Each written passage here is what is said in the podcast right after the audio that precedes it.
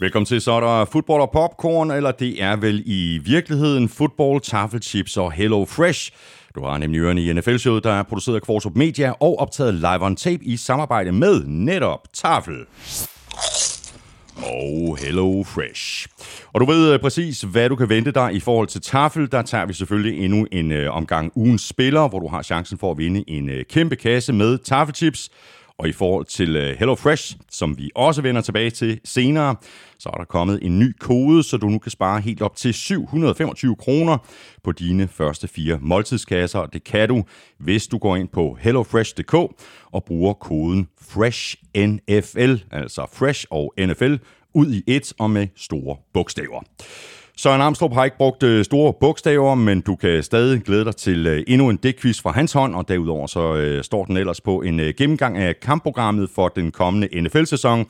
Eller det vil sige, vi går selvfølgelig ikke hele programmet igennem, men vi har udvalgt et øh, par nuggets og fun facts for de 32 hold og de kampe, de skal spille. Du ved, hvor du finder os. Det er alle de sædvanlige steder. Derudover så kan du lytte på Danmarks største og bedste fodboldsite, gulklyd.dk, og selvfølgelig også på nflshow.dk, hvor du i ovenikøbet kan støtte os med et valgfrit beløb ved at trykke på linket til tier.dk. Det var der nøjagtige 513, der havde valgt at gøre for et år siden. Nu er vi oppe på 667, så øh, kæmpe stor tak til alle, der støtter os. Det er super vigtigt med den her øh, støtte for sådan et lille uafhængigt medie som os, der ikke har snablen nede i statskassen. Så tusind tak for støtten. Tak også for alle anmeldelserne i iTunes, og tak fordi du har været forbi shoppen, hvis du har det, på nflshowet.dk-shop og købe lidt af vores merchandise. Jeg hedder Thomas Kvartrup, og her kommer min medvært.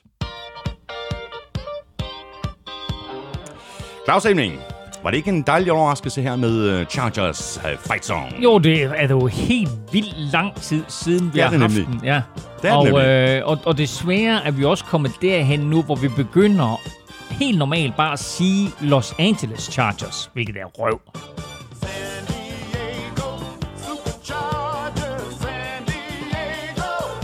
Chargers!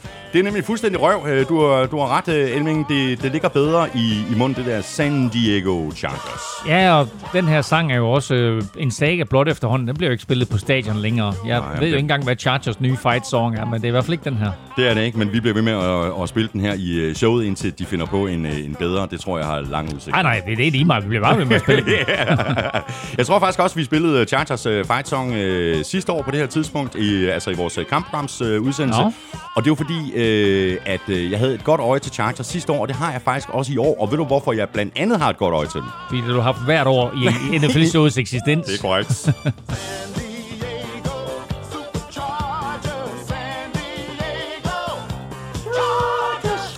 Nej, det er faktisk fordi, at nu øh, kan de jo se frem til at få øh, fans på deres øh, nye stadion. Ikke?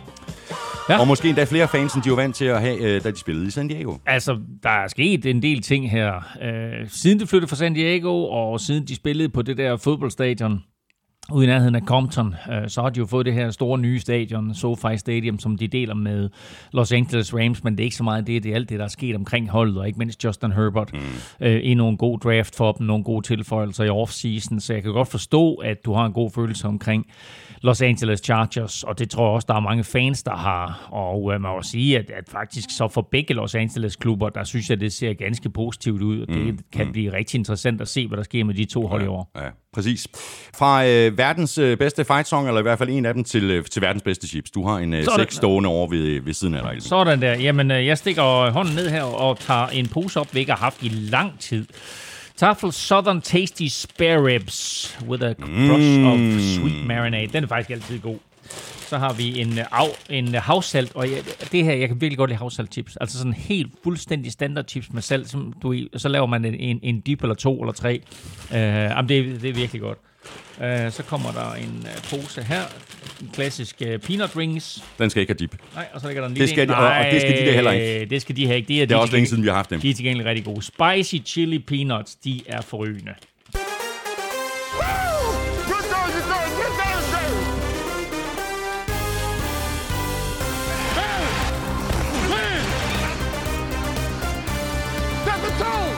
Kampprogrammet for 2021 er blevet offentliggjort, og som alle ved, så er sæsonen jo blevet udvidet fra 17 til 18 uger. Det betyder mere fodbold til os. Det betyder så samtidig også en skævhed. Nogle hold får nemlig en ekstra hjemmekamp.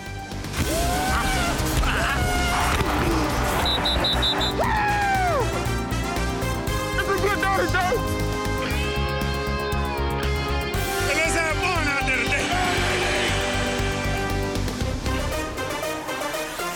Dag tager vi kig på nogle af de fedeste matchups, og så får du altså et fun fact fra den kommende sæson for hvert af de 32 hold. Derudover runder vi et par nyheder.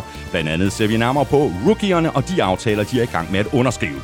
Jeg hedder Thomas Kvartrup, og med mig har jeg Claus Elming.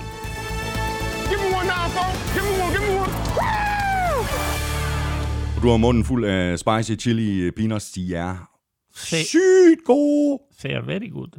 They are very, very good.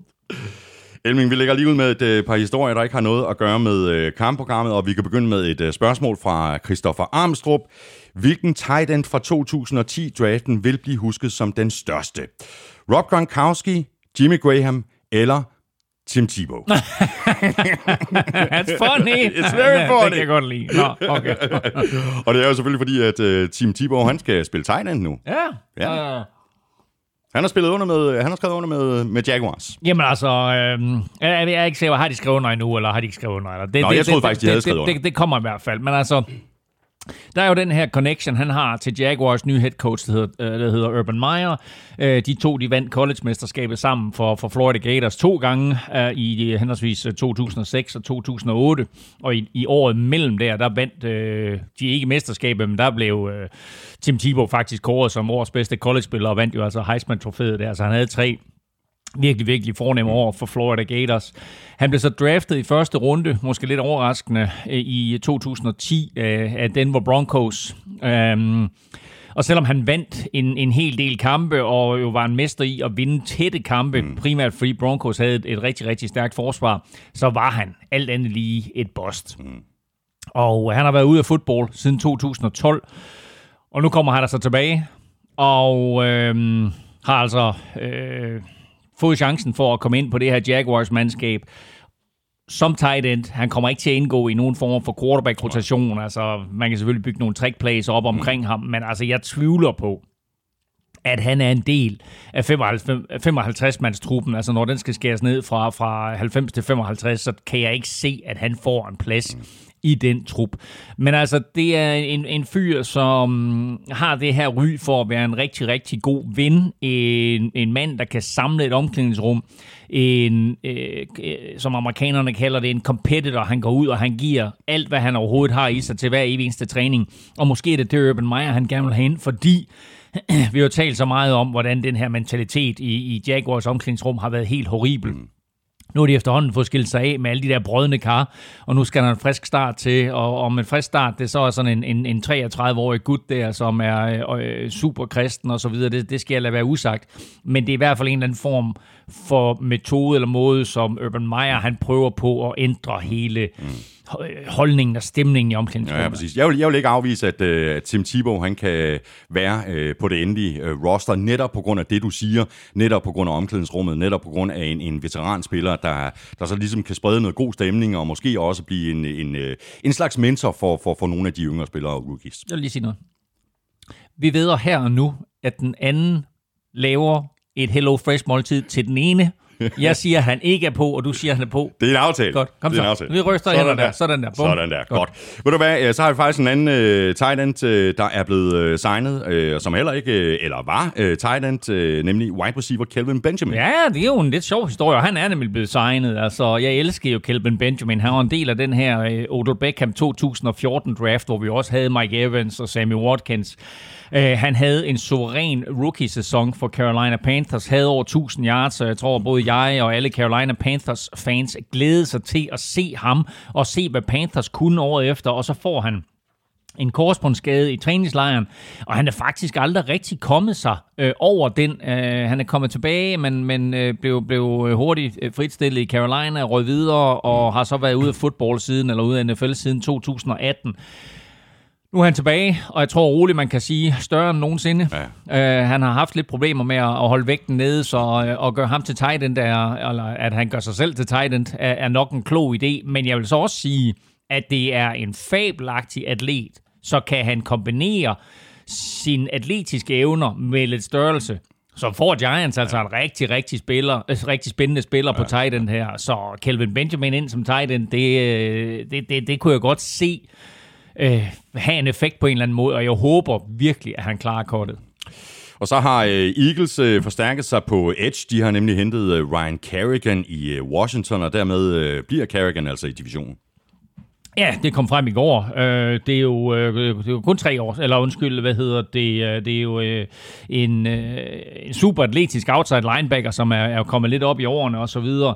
Øh, han har i de senere år sådan udelukkende været det, man kalder en third down pass rusher. Mm. Altså øh, kommet ind i de her situationer, hvor det var helt åbenlyst, at der skulle kastes. Øh, han startede kun én kamp sidste år for Washington, men det var så også på den her helt fabelagtige linje med fem øh, første runde draft picks, inklusiv sig selv, jo, som er tidligere første runde draft pick. Men han spillede i alle 16 kampe, han havde 5,5 sack. Øh, nu bliver han jo så i divisionen, han bliver i NFC East, men, men skifter til Eagles, øh, hvor han jo igen kommer ind i en situation, hvor han nok er, er fjerdevalg og, og kun kommer ind i de her åbenlyse kastesituationer. Og så kan vi lige nævne et par øh, andre øh, af de signings, der er blevet øh, effektueret, siden vi sad her sidst. Offensive tackle Eric Fisher øh, er røget til Colts. Offensive tackle Charles Lino skal, øh, han skal faktisk spille i Washington nu. Ja, og øh, lad os lige tage den første, det er Eric Fisher. Altså, øh, jeg synes jo, det er vanvittigt interessant, og, og selvom jeg jo synes, at det var mærkeligt, at Colts øh, valgte to edge rushers i første og anden runde af draften, og, øh, og jeg stadig synes det, så, så, så, så øh, giver det jo mere mening, hvis de hele tiden har haft en aftale på plads med Eric Fisher. Der var allerede rygter frem om, at de har haft kontakt, og hvis den kontakt var mere end kontakt, og de egentlig havde en forhåndsaftale på plads, så var det klart, så kunne de jo gå til draften på en anderledes måde. Umiddelbart efter draften, der signede de altså Eric Fisher, han får en, øh, et år i klubben, men man skal bare lige håbe på, at han sluttede jo sidste sæson med en akilleskade, så han skal, han skal altså lige komme sig over den, og han skal vel lige være 100%, inden han bliver fast starter, og inden han er klar til at beskytte Carsten Wentz's bagside. Men er han klar, så er han stadigvæk forholdsvis ung, 33 mener jeg. Øh, så altså, han burde have et par gode år endnu, og man skal lige huske på, det er jo altså oversat tidligere første runde pick, og ikke bare første runde pick, han er first overall, det var den aller, aller første spiller, Andy Reid, han draftede i sin tid som head coach for Kansas City Chiefs. Øh, så nævnte du lige Charles Leno, øh, og der må jeg sige, det er jo så øh, offensive tackle for, for tidligere Chicago Bears, nu Washington, og, og må vi også nok sige, det er jo nok endnu et lønloft øh, offer i Chicago. Mm fordi de går yngre og, og, og billigere i draften ved at tage Tevin Jenkins der i anden runde, og så blev Charles Leno lidt i overskud. Øh, og man kan sige, på en virkelig dårlig Chicago-linje, der var han jo nok den bedste mand, så han kommer altså ind her til, øh, til et Washington-mandskab, som jo har savnet stabilitet på venstre tackle, siden vi havde hele den der Trent Williams misære, og han så røg til 49ers. Og så er McCourty-tvillingerne øh, faktisk blevet øh, skilt ad. Nu må man sige, uh, Devin og Jason McCourty skal ikke længere spille på hold sammen. Devin bliver hos New England Patriots, mens Jason McCourty han skifter til Miami Dolphins. Og altså også bliver i divisionen og også bliver i divisionen. Han er jo øh, Jason, der oprindeligt draftet af Tennessee Titans i 6. runde i 2009, så altså ikke helt talentfuld som øh, sin tvillingebror Devin McCourty. Han var jo ved at lægge hjelmen på hylden der Jason McCourty for 3-4 år siden, ikke? men så fik han en chance for at spille sammen med Devin hos Patriots. Jeg regner med, at Devin han lige var op ved Bill og sige, prøv at høre, kan vi ikke lige give min bror en chance her? Så kommer de, øh, Jason ind og, og, og får faktisk genoplevet karrieren og spiller der jo fra 2018-2020, og de vinder jo Super Bowl 53 sammen. Uh, så en fed oplevelse for dem som brødre. Uh, men nu skal han jo så, som du siger, øh, til Dolphins og bliver i AFC East, så de får jo mulighed for at se hinanden to gange om året.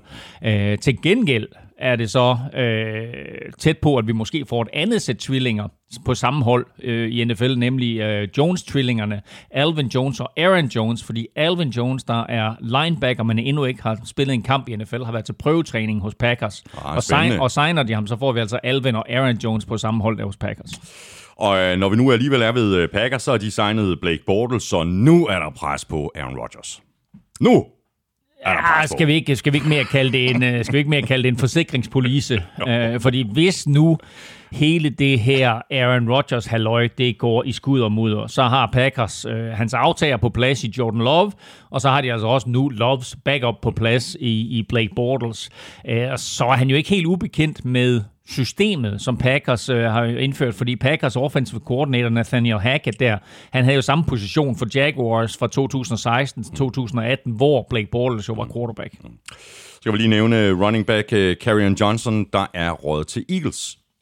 Yes, øh, og tænk på, det er altså kun tre år siden, at Lions de øh, draftede ham øh, i, i anden runde, der 2018-draft, men øh, han har haft en, en skuffende og, og skadespladet start på karrieren, og øh, Lions de satte ham altså på den her såkaldte waiver wire, om det var i håb om, at han ville komme igennem, og de så kunne samle ham op selv, det ved jeg ikke, men altså... Øh, Eagles, de, øh, de var hurtige og lagde billet ind på ham, og øh, blev altså tildelt Karrion Johnson, og nu kommer han så til at indgå i en rotation øh, hos, øh, hos Eagles med Miles Sanders, og så den her rookie Kenneth Gainwell, som, ja. som de lige har draftet, og, og som jeg synes de, synes, de fik sent der i fjerde runde. Altså, alt andet lige, så er det altså en virkelig, virkelig spændende trio. Ja, det er det virkelig. Og vi kommer til at tale lidt mere rookies lige om lidt, men lad os lige uh, runde de her femte års optioner, fordi uh, fristen for at indfri dem er nemlig overskrevet, uh, og der er selvfølgelig Øh, en masse af de spillere, som blev draftet i første runde tilbage i 2018, som klubberne har sikret sig et ekstra år på.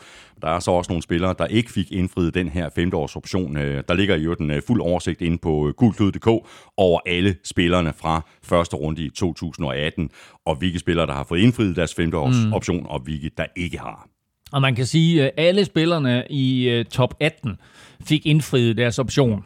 Undtagen en, nemlig quarterback Josh Rosen, som blev fritstillet allerede øh, inden det havde en mulighed. Altså, det gjorde, det, det gjorde han faktisk. Han blev traded først fra Cardinals til Dolphins, og så blev han så fristillet for Dolphins, og nu er han så hos 49ers, mm. så han er helt ude af det her femteårs ja. optionsrace. Men ellers så var det så alle de 18 øverste picks der, de fik indfriet. Øh, så kommer vi ned, og så øh, kan lige løbe hurtigt igennem dem, der har fået afvist deres femteårs option, og altså er free agents efter den kommende sæson. Øh, Leighton Vander Cowboys linebacker, Billy Price, center for Bengals, kæmpe skuffelse.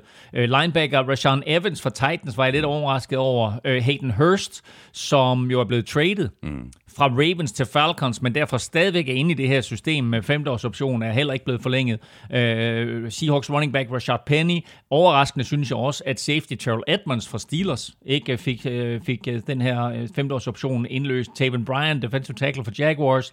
Mike Hughes for Vikings fik ikke indfriet den her Corner, femteårs cornerback. cornerback, men blev traded til øh, her i, i den forgangne uge til Kansas City Chiefs for et 6. rundevalg, så det var, jeg tror, det var et spørgsmål om Vikings team øh, måske har tænkt sig at cut ham.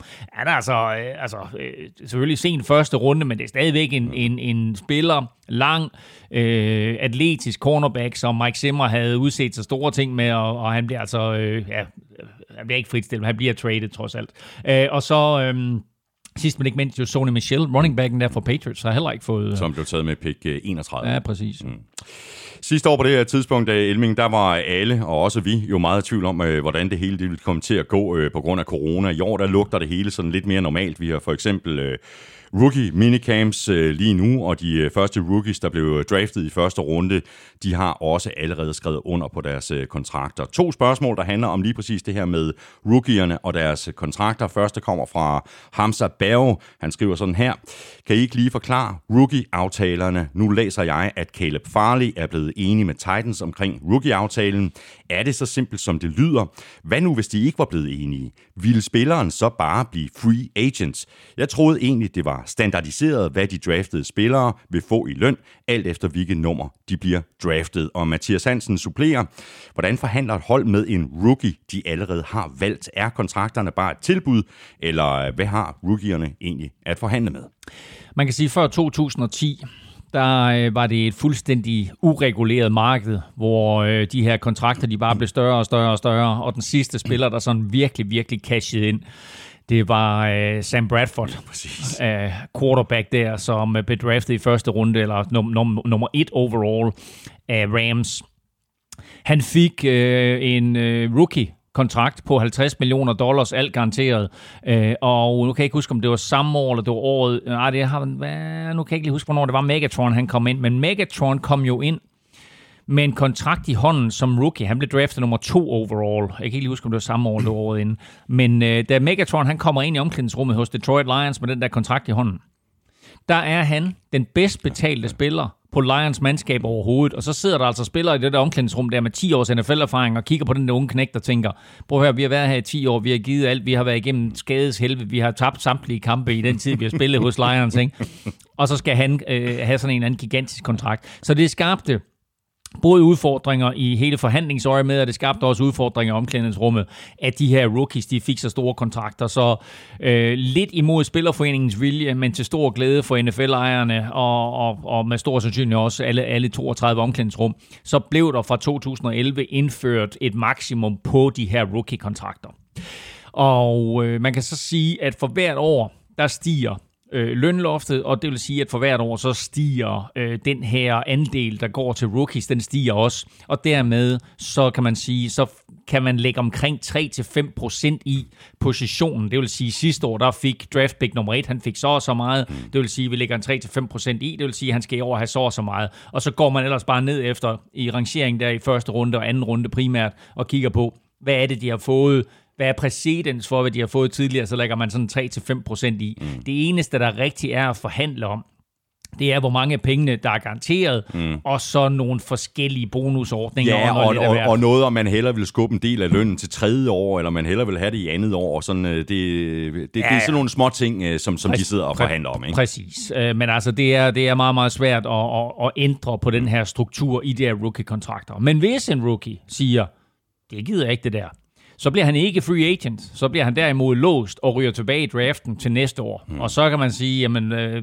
vil han ikke gerne det? Nej, hvis du, hvis du står til at tjene 10 millioner dollars i år eller et eller andet, ikke? Altså, og, og få en signing bonus for, for mange af de her vedkommende, der får de jo 10 millioner dollars i hånden på deres første NFL-kontrakt, så tror jeg, så siger du, ah, så, så, så, ja, så, så, så, så, så, så lad mig spille, ikke? Mm. Men vi har jo haft situationen for eksempel med Eli Manning der i, i 2004, som jo sagde, at jeg nægter at spille for Chargers, mm. og så jo inden draften overhovedet er kommet til femte pick, der bliver han jo traded til Giants, og Giants, der så har valgt Philip Rivers, der trader ham til mm. San Diego. ah, og det var, det var faktisk San Diego Chargers. um, så, så på den måde, der er der ikke så meget spillerum. Uh, og det er fint, fordi det her med de der rookie-kontrakter var løbet løbsk. Mm. Og nu har vi altså de her rookie minicamps, så vi kan også se frem til OTAs i år, vi kan se frem til training camps og preseason. Nu er spørgsmålet så, om uh, stadions de bliver fyldt op med tilskuere i år, om uh, mm. vi er tilbage til uh, mere eller mindre business as usual, eller om der kommer restriktioner, og om der for eksempel, ligesom der jo var sidste år, om der er forskel fra stat til stat. Mm. Altså NFL's ambition og Roger Goodells ambition, det er jo fulde stadions. Om det så kræver, at alle er vaccineret eller en eller anden form for coronapas, eller hvordan det nu skal lade sig give sig. Det, det, det må vi se, det har NFL helt sikkert en plan for, men deres ambition er fyldte stadions. Og et af, af de aller øh, største øjeblikke nu her under coronatiden har var jo faktisk NFL-draften, hvor der jo var 90.000 tilskuere samlet over de der øh, tre dage, det foregik i Cleveland plus det løse. Og det var vigtigt, for, øh, for USA og, og USA's befolkning og NFL-fans over hele landet at se, hey, vi kan efterhånden godt samles. Det var selvfølgelig ikke en draft helt efter den normale hype og normale størrelse, som NFL de kører, men det var vigtigt for NFL at sende et budskab om, hey, vi er på vej i den rigtige retning, og på den måde, der har NFL jo en plads i det amerikanske samfund, også i det her med bekæmpelsen af corona, eller i hvert fald, skal vi sige, øh, det at bringe håb om, at nu er det her snart overstået. Om Kalifornien, de så hopper med på vognen, eller de igen lige øh, tager deres egen rute og siger, nej, nej, nej, nu, nu, nu kører vi lige det her. Altså man kan sige, der er 49 stater, og så er der Kalifornien. Ja, præcis. Ikke? Øh, og så er der selvfølgelig øh, Hawaii derude, ikke, du ved, som på en eller anden måde jo mere eller mindre har været forskånet for corona, men men generelt så har Kalifornien jo kørt sit, sit eget øh, show øh, hele vejen igennem, og nu må vi se, om, om de hopper med på vognen, eller, eller hvad de gør. Men øh, generelt så tror jeg på, at øh, der kommer fulde stadion, så ja. vi også gået i gang med at planlægge øh, NFL-ture til USA jo. Ja, det er dejligt. Øh, hvor Kalifornien indgår. Mm. Og hvis man øh, godt kunne tænke sig at komme med på sådan en øh, tur så foregår det ind på øh, gulklud.dk? Ja, altså ja, enten der eller på latravel.dk. Øh, London-turene øh, er der. Der er jo to London-kampe, kommer vi tilbage til. Øh, så der kan man allerede nu øh, købe sin øh, billet der til, til London-kampene. Og så har vi ikke offentliggjort endnu, hvad de to NFL-ture kommer til at bestå af. Men øh, vi har lagt sådan en afstemning op omkring, hvad folk de helst vil med på. Og der var der en tur til øh, en afstemning mellem en tur, der gik til Vegas og San Francisco, eller en tur, der gik til Minnesota og Green Bay. Og der fører den der tur til Vegas og San Francisco altså. Nå, Okay, I wonder why. Nå, jamen altså, jeg vil sige, uh, Green, Green, Bay, Green Bay i december, selvom det er koldt, så er det fandme en fed oplevelse. Ja, det er det. Mega fed. Men det er det uanset, hvor i alverden du, du tager til fodbold i USA, så bliver det en, en, en fed oplevelse. Nå, øh, Elming, lad os øh, bare begynde at se en lille bit smule øh, mere frem mod 2021-sæsonen. Øh, det er jo forskelligt fra år til år øh, i forhold til, hvilke divisioner, der bliver matchet med hinanden. Du har det fulde og det store forkromede overblik. ja, både og jo. Altså, hver det eneste år, så bliver, så bliver øh, de forskellige divisioner matchet med andre divisioner. Men der er jo faktisk kommet den her lille ekstra kamp på. Mm som jo betyder, at godt nok så har man stadigvæk matchet med to andre divisioner, men så bliver man så matchet faktisk med en tredje division også, som man så får den her øh, 17. spille, øh, den her 17. grundspilskamp mod. Men lad os tage de, de fuldstændig normale matchups, ikke? så de otte divisioner er matchet, og nu kommer jeg selvfølgelig til at gentage mig selv lidt, men det er for lige at, mm. at løbe de otte divisioner igennem. Så hvis vi starter fra toppen, AFC East er matchet med AFC South og NFC South.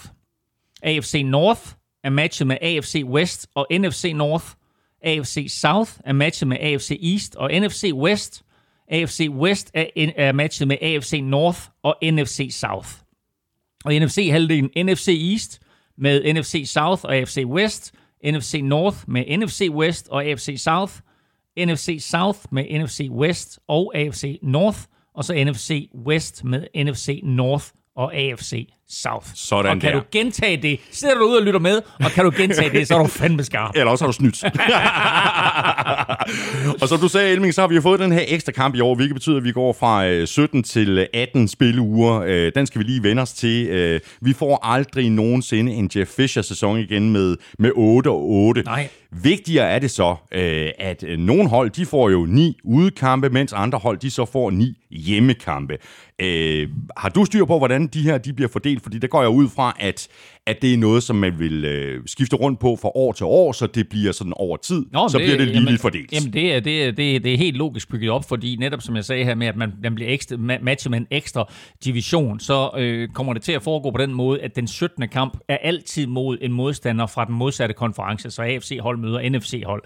Og i år, det vil sige, øh, i alle ulige år, der er det AFC-holdene, der får en ekstra hjemmekamp, mens i alle de lige år, der bliver det så NFC-holdene, der får en ekstra hjemmekamp. Og man er altid matchet på den måde, at enten du etter i din division sidste år, så møder du en etter for den division, du er matchet med, 2 mod to, tre mod 3 og 4 mod 4.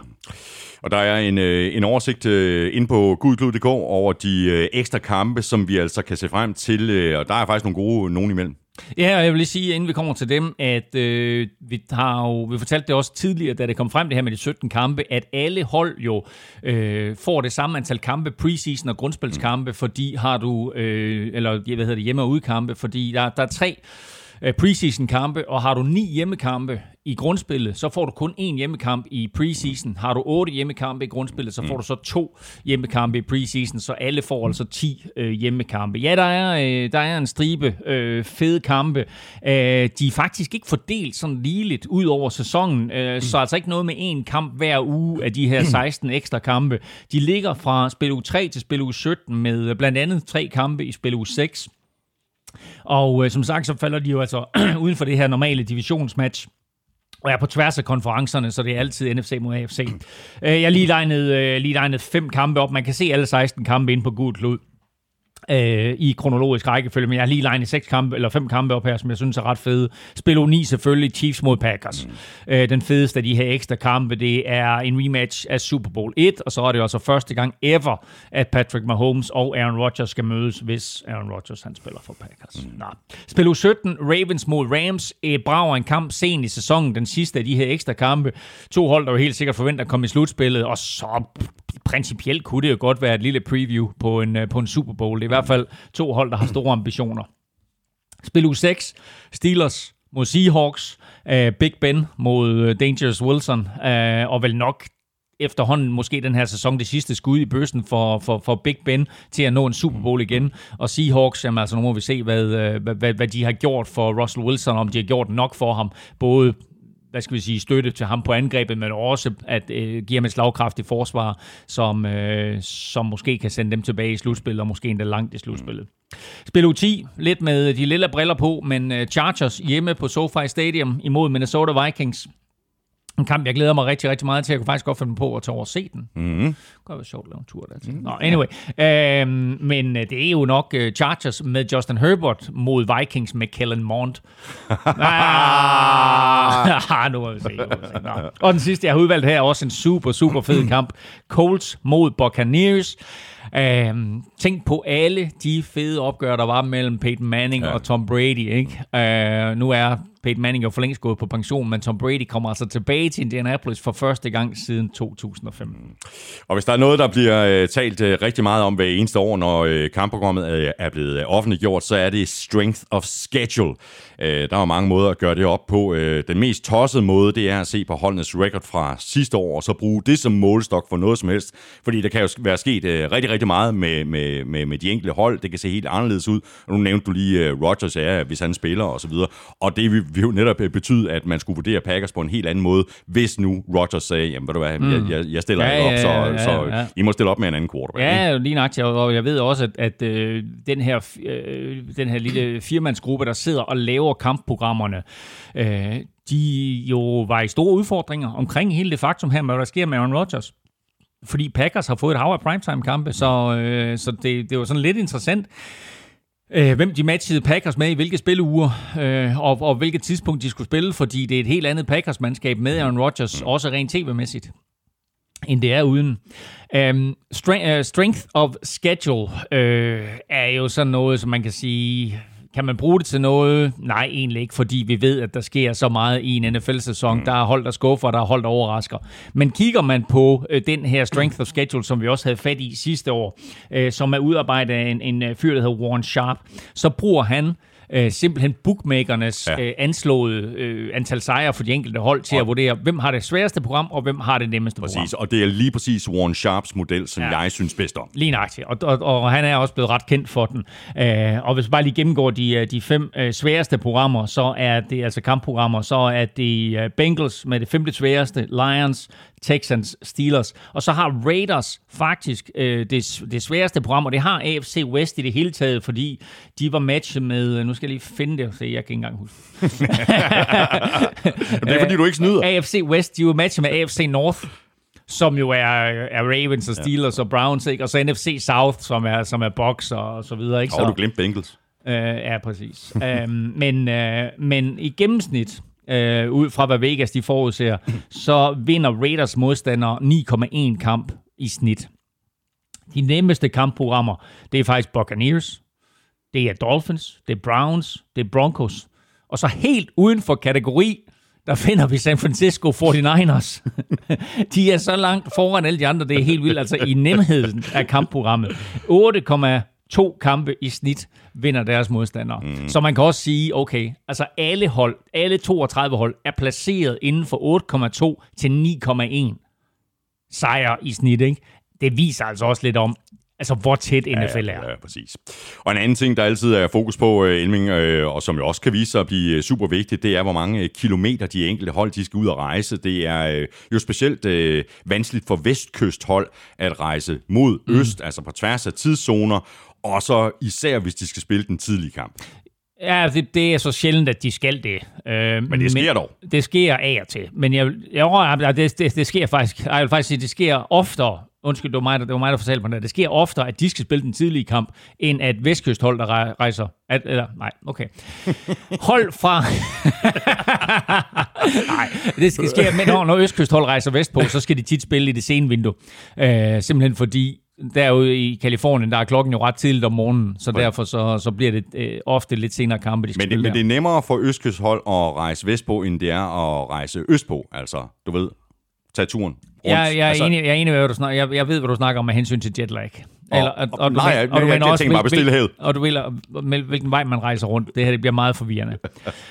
um, det korte lange, det er, at der heller ikke ligger ret mange klubber på vestkysten hvor der jo, altså, øh, i NFL, jamen, altså, der startede det hele jo deroppe i det nordøstlige hjørne af USA, så der ligger de jo simpelthen pakket alle klubberne, ikke? og så bevæger du dig længere ind mod midten, så ligger der stadigvæk en stribe klubber. Når du så kommer ud på vestkysten, ikke? Jamen, så ligger der ikke mange klubber. Altså, så har du øh, øh, Seahawks og 49ers og Rams og Chargers, ikke? og i gamle dage lå Raiders, der også nu de rykker en tak længere ind til, til Las Vegas og så videre. Så der er bare langt ud til vestkysten, og derfor så skal de der vestkysthold også rejse længere øh, end, end øh, de andre hold. Øh. Og i år, apropos at have et nemt kampprogram, så har 49ers så en bagdel i, at de skal rejse længst af alle. Øh, de har lange udbaneture til Østkysten. Blandt andet skal de på udbane mod Philadelphia og Tennessee, men de skal også til Jacksonville, som jo nærmest er så langt væk fra San Francisco, du overhovedet kan komme i NFL-sammenhæng.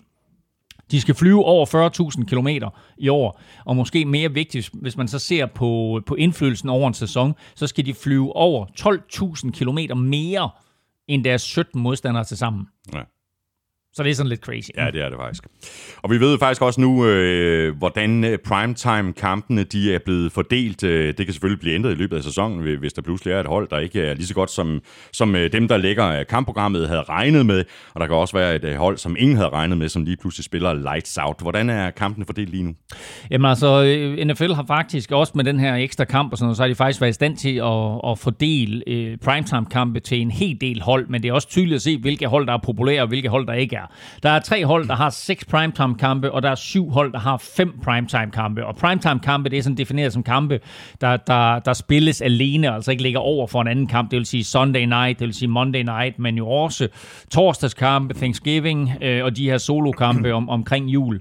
Øh, og man kan sige, det er både godt og skidt for de danske fans, fordi det betyder, at deres hold er populært. Men det betyder så også, at øh, deres kampstart ofte er klokken lort om natten, mm. og det er sådan lidt besværligt at se.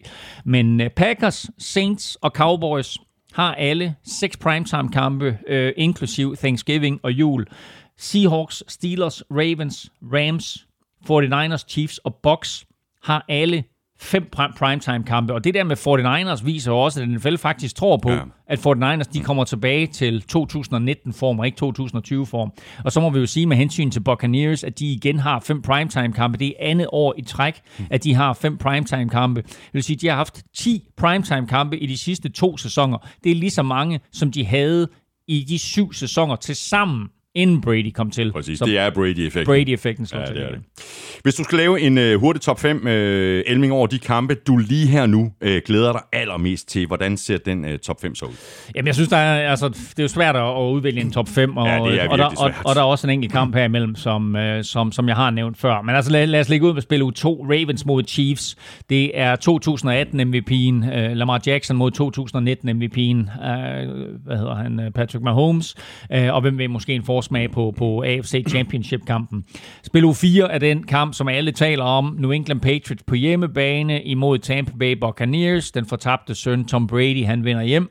Og øh, den er så populær, så minimumsprisen lige nu på en billet til at komme ind og se kampen, den er på 1150 dollars. Og jeg tror, man skal skynde sig. Øh, og så kan man sige, at er det, er det ikke lidt ligegyldigt, at, at, at de skal derop og spille, men det er det jo ikke. Det, det er Tom Brady, der kommer hjem, men der gav dem seks trofæer og så videre. Ikke? Så der bliver så meget hype. Der om, bliver så meget om, hype om, og den. så meget fokus både på Brady og på Belichick. Ja, ja, det er lige nøjagtigt. Det, det, ja. Altså på en eller anden måde, der bliver det fedt alligevel. Ikke? Det bliver super fedt. Så har vi uh, spil u 5, Chiefs mod Bills, øh, det er en gentagelse af januars øh, AFC Championship-kamp, og så er det faktisk det tredje møde på under et år, og hvem ved, måske er det, er det endelig tid til, at, øh, at Bills de kan vinde en kamp øh, over Chiefs. Øh, jeg har på en eller anden måde, der har jeg valgt et hav af Chiefs-kampe her, for jeg kan se uh, Chiefs-Packers i spil U9, som jeg nævnte lidt tidligere, mm. har jeg også som en af mine fem favorit-matchups, jeg ser frem til Mahomes og Rodgers for første gang jo. Mm. Øh, og så springer vi faktisk, der er, der er sådan masser af kampe, men så springer vi helt frem til spil U18, og grunden til at gøre det, det er fordi, der mødes Ravens og Steelers, og det kan bare vise sig at blive ja. en rigtig, rigtig vild afslutning på AFC North. Hvem ved, måske har Cleveland Browns allerede sikret sig divisionen, og de to klubber her, de spiller om, hvem der skal være nummer to, og dermed måske komme i slutspillet, og den anden ryger ud. Uh, det ved vi overhovedet ikke noget som helst om. Derudover en, en stribe storylines. Spil u 7, Rams mod Lions, det vil sige øh, mm. Goff mod Stafford, der er jo mm. byttet klub, men jo også Aaron Donald imod Jared Goff. Det kan være, at Aaron Donald han lige har et eller andet, han vil snakke med Jared Goff om. Ikke?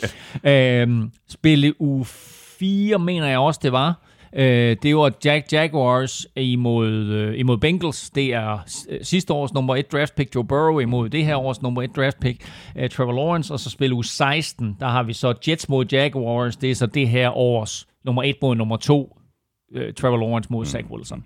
Jeg har faktisk også lavet en uh, top 5, uh, eller det er faktisk en top 6, og der er lidt overlap. Uh, spil u 1, uh, åbningskampen, Buccaneers Cowboys, mm, mm, uh, glæder mm. mig selvfølgelig uh, ekstremt meget til øh, Stakkels Cowboys, øh, det er altid svært øh, at spille mod de forsvarende Super Bowl-mester. Ja, selvfølgelig er det det, men altså, det er, det er Dak Prescott i prime time, og øh, er han tilbage på det niveau, som vi så ham sidste år, og er Cowboys angreb tilbage på det niveau, vi så sidste år, og har den her, den her draft med øh, de seks første picks på forsvarsspillere, plus de nu, hvad de heddet ind i free agency, altså kan, kan den øh, bare gøre deres forsvar en lille bit smule bedre, så kan vi altså få en fuldstændig vanvittig shootout. Ja, kan vi. Så har jeg noteret at spille uge 4. Patriots uh, Buccaneers, den havde du også. Øh, så har jeg spil uge 5, Chiefs Bills, den havde du også. Mm. Øh, spil uge 8, Bears 49ers, det er potentielt Justin Fields mod Trey Lance. Potentielt. Mm. Who knows? Ja. Og så har vi spil uge 13 og spil uge 18, det er også 49ers øh, kampe. Spil uge 13, det er Seahawks 49ers. Og spil uge 18, det er Rams 49ers. Nå, men det er virkelig fem kampe, som ellers seks var det så, som ja. jeg ser allermest frem til. Nå, okay, nå, det var sådan en personlig plan. Ja, ikke? ja, præcis. Nå, altså, så, er der jo, så er der jo været rent lille herovre. Jo. det er dejligt, du en misforstår, når vi mails med. vi skal have quizzen. Åh. Oh. Det er tid til quiz, quiz, quiz, quiz, quiz. Har du noget til mig? Ja, jeg havde helt glemt, at vi havde quiz. Hvad har hvad, været i gang 40 minutter aktivt eller andet, ikke? Nå, yeah. anyway, øhm, jeg ved ikke, om det går op for dig, men øh, i år der er der for første gang 18 spilleuger i sæsonen. Nej. Jo, det er rigtigt. Nej, hvordan får de det til at hænge sammen? Ja, men det er noget med, at alle skal spille 17 grundspilskampe. Nå. Og det er selvfølgelig flest nogensinde det er i et NFL-grundspil. Det er korrekt. Men hvad er det færreste antal, der har spillet i et NFL-grundspil, og hvornår var det? Come on. Can't do it. Nej, ingen anelse. Ingen ah. anelse. Ingen anelse. Nej. Nej, ingen anelse. Okay. Nå, nu får du øh, quizzen her fra øh, Dick Pusher Søren Armstrong.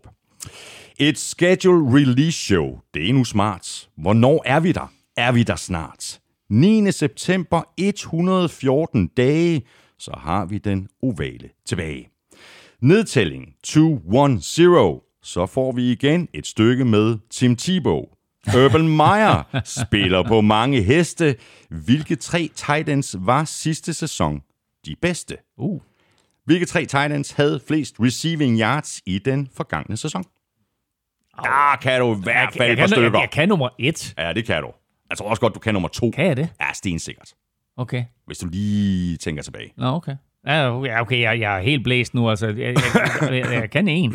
Det, altså, altså, Travis Kelce øh, er selvfølgelig etter, men altså, hvem der lige er to og tre, det har jeg da ingen anelse om. Nej, men øh, det kan du lige sidde og tænke lidt øh, på. Nu ryger det... vi nemlig i... Øh, nu ryger vi i kampprogrammet, og øh, det er altså nu, at du får en lille nugget eller fun fact for hvert hold.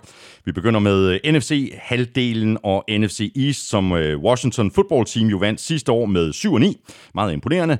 Washington de lægger ud med to hjemmekampe. Først Chargers i uge 1, og så får de besøg af divisionsrivalerne fra Giants i uge 2. Og øh, de har en virkelig, virkelig underlig afslutning på sæsonen Washington. Jeg ved ikke, om du har set den, men de har fem kampe mm. i NFC East, der hedder i rækkefølge Cowboys, Eagles, Cowboys, Eagles og så Giants. Ja, det er, øh, det er vildt, og det er altså i divisionen de ja. sidste fem spillerunder. Ja. Det er crazy. Så har vi uh, Giants, uh, der sluttede to i divisionen med 6 og 10, og uh, jeg tror ikke, at uh, New Yorker publikummet har tænkt sig at acceptere sådan en omgang en gang til. Giants, de spiller hjemme mod Broncos i uge 1, og skal altså så til Washington i uh, uge 2. De spiller også to Monday Night kampe i år. Det er så desværre begge to på udebane, og så er det faktisk mod de to hold, der var i Super Bowl. Så spiller uge 8 ude mod Chiefs, og spiller uge 11 ude mod Broncos. Og så bliver der ellers fuld skrue på amerikansk Tude TV, når uh, Giants og Broncos de mødes der i spil uge 1, fordi det er den 12. september. Og øh, det er 20 år siden 9-11, mm. hvor Giants og Broncos også mødtes, så det er næppe tilfældigt, Ej, er at de to mødes der. Og så har vi øh, Cowboys, der jo øh, sluttede ligesom Giants med en øh, 6-10 record sidste år, og øh, det var der flere grunde til. Der var øh, kæmpe problemer på forsvaret. Det hele det smuldrede så for alvor, da Dak Prescott blev skadet tidligt på sæsonen. Cowboys har altså fået æren af at åbne med sæsonens første kamp, øh, som jeg også lige nævnte for lidt siden, og det er selvfølgelig mod mesterne fra Buccaneers. Og den kamp er ret væsentlig for dem, øh, fordi kan de vinde den, så er det klart, så statuerer det et eksempel. Mm. Men taber de den, så gør det egentlig ikke så meget, fordi deres næste ni kampe er mod hold, som ikke var i playoffs sidste år. Selvfølgelig er der nogen, der er forstærket og så videre, og selvfølgelig er det slet ikke sikkert, at de vinder. Men altså principielt kan de vinde de ni kampe, og vinder de over Box også, så kan vi altså have et Cowboys-mandskab, der er 10-0. Ja.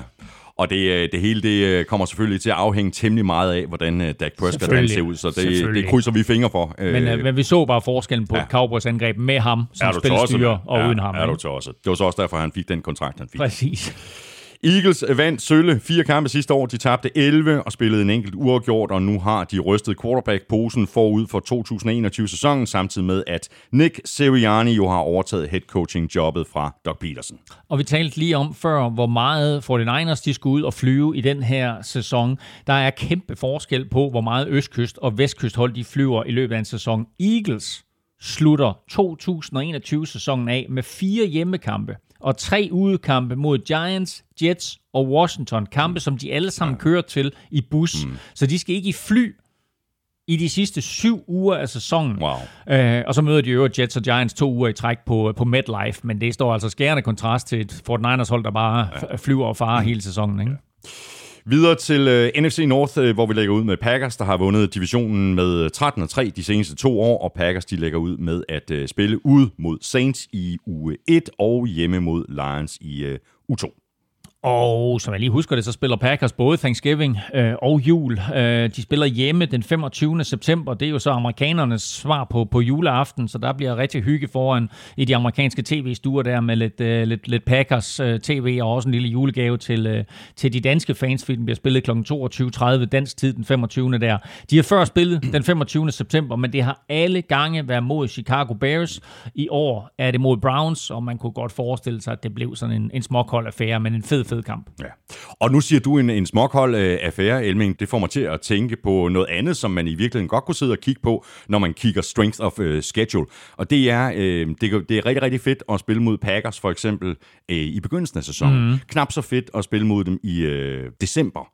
Ligesom at det er øh, knap så fedt at skulle ned og spille mod Dolphins eller Jaguars i øh, september, men at det er federe at tage ned og spille mod dem i november eller december, hvor det er blevet lidt køligere. Og det er meget sjovt, fordi mange spillere, når de får stået kampprogram i hånden, så er der flere forskellige ting, de kigger efter. Det aller, aller første, de kigger efter, det er, hvornår har vi fri uge? Og i år, der ligger friugerne faktisk lidt anderledes, end de plejer, nemlig fra spil uge 6 til spil uge 14. Øhm, og det vil sige, at i og med, at sæsonen er udvidet, så er første friuge altså også skubbet fra, bare fra spil uge 5 til spil uge 6. Mm. Og så var det helt til spil uge 14, som er forbi Thanksgiving. Øh, dernæst så kigger de på, øh, hvornår har vi udendørskampe i koldt vejr. Mm. Og så kigger de faktisk også på, undgår vi at skulle til Florida i for eksempel september. Præcis, hvor det er for, drønhammerne varmt. Og vi har jo set øh, hold som, øh, især Dolphins vil jeg sige, fordi de trods alt ligger den, den tak længere sydpå, end, end Jacksonville og Tampa gør. Men vi har jo set Dolphins være helt væk i tre quarters, og så vinder de kampen i fjerde kvartal, fordi modstanderne øh, er fuldstændig dehydreret. Ikke? Så, så det er altså en fordel, både at spille i varm hver dag i september, lige så meget som det er en fordel for Packers og Bears og Browns og nogle af de andre deroppe nordpå, at spille på hjemmebane i koldt vejr i, uh, i december. Og helt ind i januar bliver det nu, fordi de sidste to ja. spillerunder i årets grundspil ligger jo i januar. Mm-hmm. Så har vi Bears. Øh, de sluttede 2020-sæsonen øh, med 8-8. De spiller deres første kamp ude mod Rams, og i uge 2 der spiller de hjemme mod Bengals. Og sådan fortsætter det faktisk hele sæsonen. Ude hjemme, ude hjemme, Præcis. ude hjemme, ude hjemme. og det, er, det har en hel sæson med øh, kampe. Hjemmebane, udebane, hver anden uge hele vejen igennem sæsonen, og det er faktisk kun øh, sket øh, fire gange i det her årtusinde. Øh, og alle fire gange, der kom øh, holdet i slutspillet. Så, wow. så Bears, de, øh, de håber på at, at kunne fortsætte den trend. Ja. Hvornår tror du, vi får øh, Justin Fields at se? Som starter?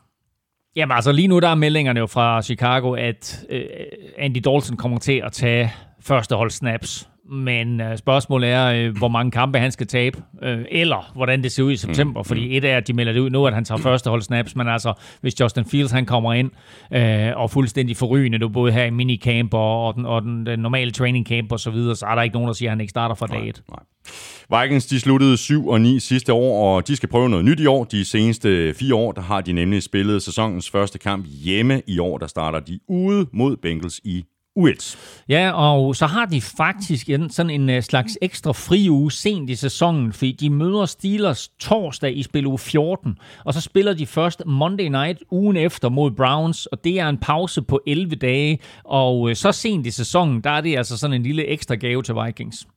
Så har vi Lions, øh, der endte sidst i NFC North med 5 og 11. Nu er der nye boller på suppen i Detroit med head coach Dan Campbell og Jared Goff på quarterback og Lions de åbner hjemme mod 49ers i U1. Og så åbner de øh, traditionen tro også de tre opgør på Thanksgiving. I år der møder de Chicago Bears. Øh, det hele det begyndte i 1934, og det bliver 82. 20. gang, at Lions øh, de spiller på Thanksgiving. Det bliver jo 37 37. gang, at øh, Bears de spiller på Thanksgiving, og dermed så er de det tredje mest sete hold på Thanksgiving, ud over de to hjemmebane, de to, to traditionelle hjemmebaneklubber, Lions og, øh, og Cowboys. Og så er vi videre til NFC South, som øh, Saints vandt med 12-4, og som vi har talt om en del gange, så kommer det her Saints-hold til at tage sig noget anderledes ud i 2021. Jo ikke mindst fordi Drew Brees har trukket sig tilbage. Saints de har en øh, meget spændende start på sæsonen. De spiller hjemme mod Packers i U1, og i U2 der spiller de ude mod divisionsrivalerne for Panthers, og så skal de til New England i U3. Mm. Og så tror jeg faktisk ikke, at de glæder sig særlig meget til spil u 10, fordi der skal de nemlig til øh, Tennessee, og øh, for første gang ever, der skal de faktisk spille imod Derrick Henry. Uh, Saints er det eneste hold, han ikke har mødt endnu, så må ikke, uh, han har tænkt sig lige at vise Alvin Kamara, hvordan man løber bolden tungt. og det er noget, han kan. Box, de sluttede to i divisionen med 11 og 5, og Brady og Company, de lægger ud med to hjemmekampe. Først øh, mod Cowboys i Witt, som vi allerede har talt om, og så kommer divisionsrivalerne fra Falcons på besøg. Ja, de åbner sæsonen med, med de der to hjemmekampe, du lige nævner om. Så skal de hele vejen på tværs af USA for at møde Rams, og det skal de jo på årets Super Bowl-stadion. Så kan Brady jo lige kigge sig omkring der og sige, Nå, det er sådan, det ser ud, Nå, men vi, uh, vi ses i februar. Ikke? Uh, og så derfra skal de faktisk ugen efter til Foxborough, altså det til den her, det her store møde, som vi talte om uh, imod Patriots. Så to meget, meget markante opgør der for Buccaneers i spil u 3 og spil u 4.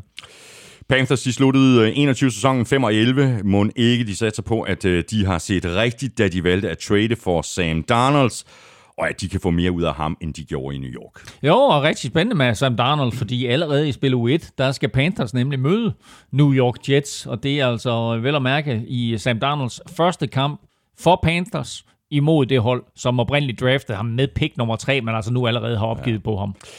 Så mangler vi bare øh, Falcons her i øh, divisionen. De sluttede 4-12 sidste år, og øh, det kunne måske være meget fedt for dem at komme lidt hurtigere i gang, øh, end de har formået de seneste par år.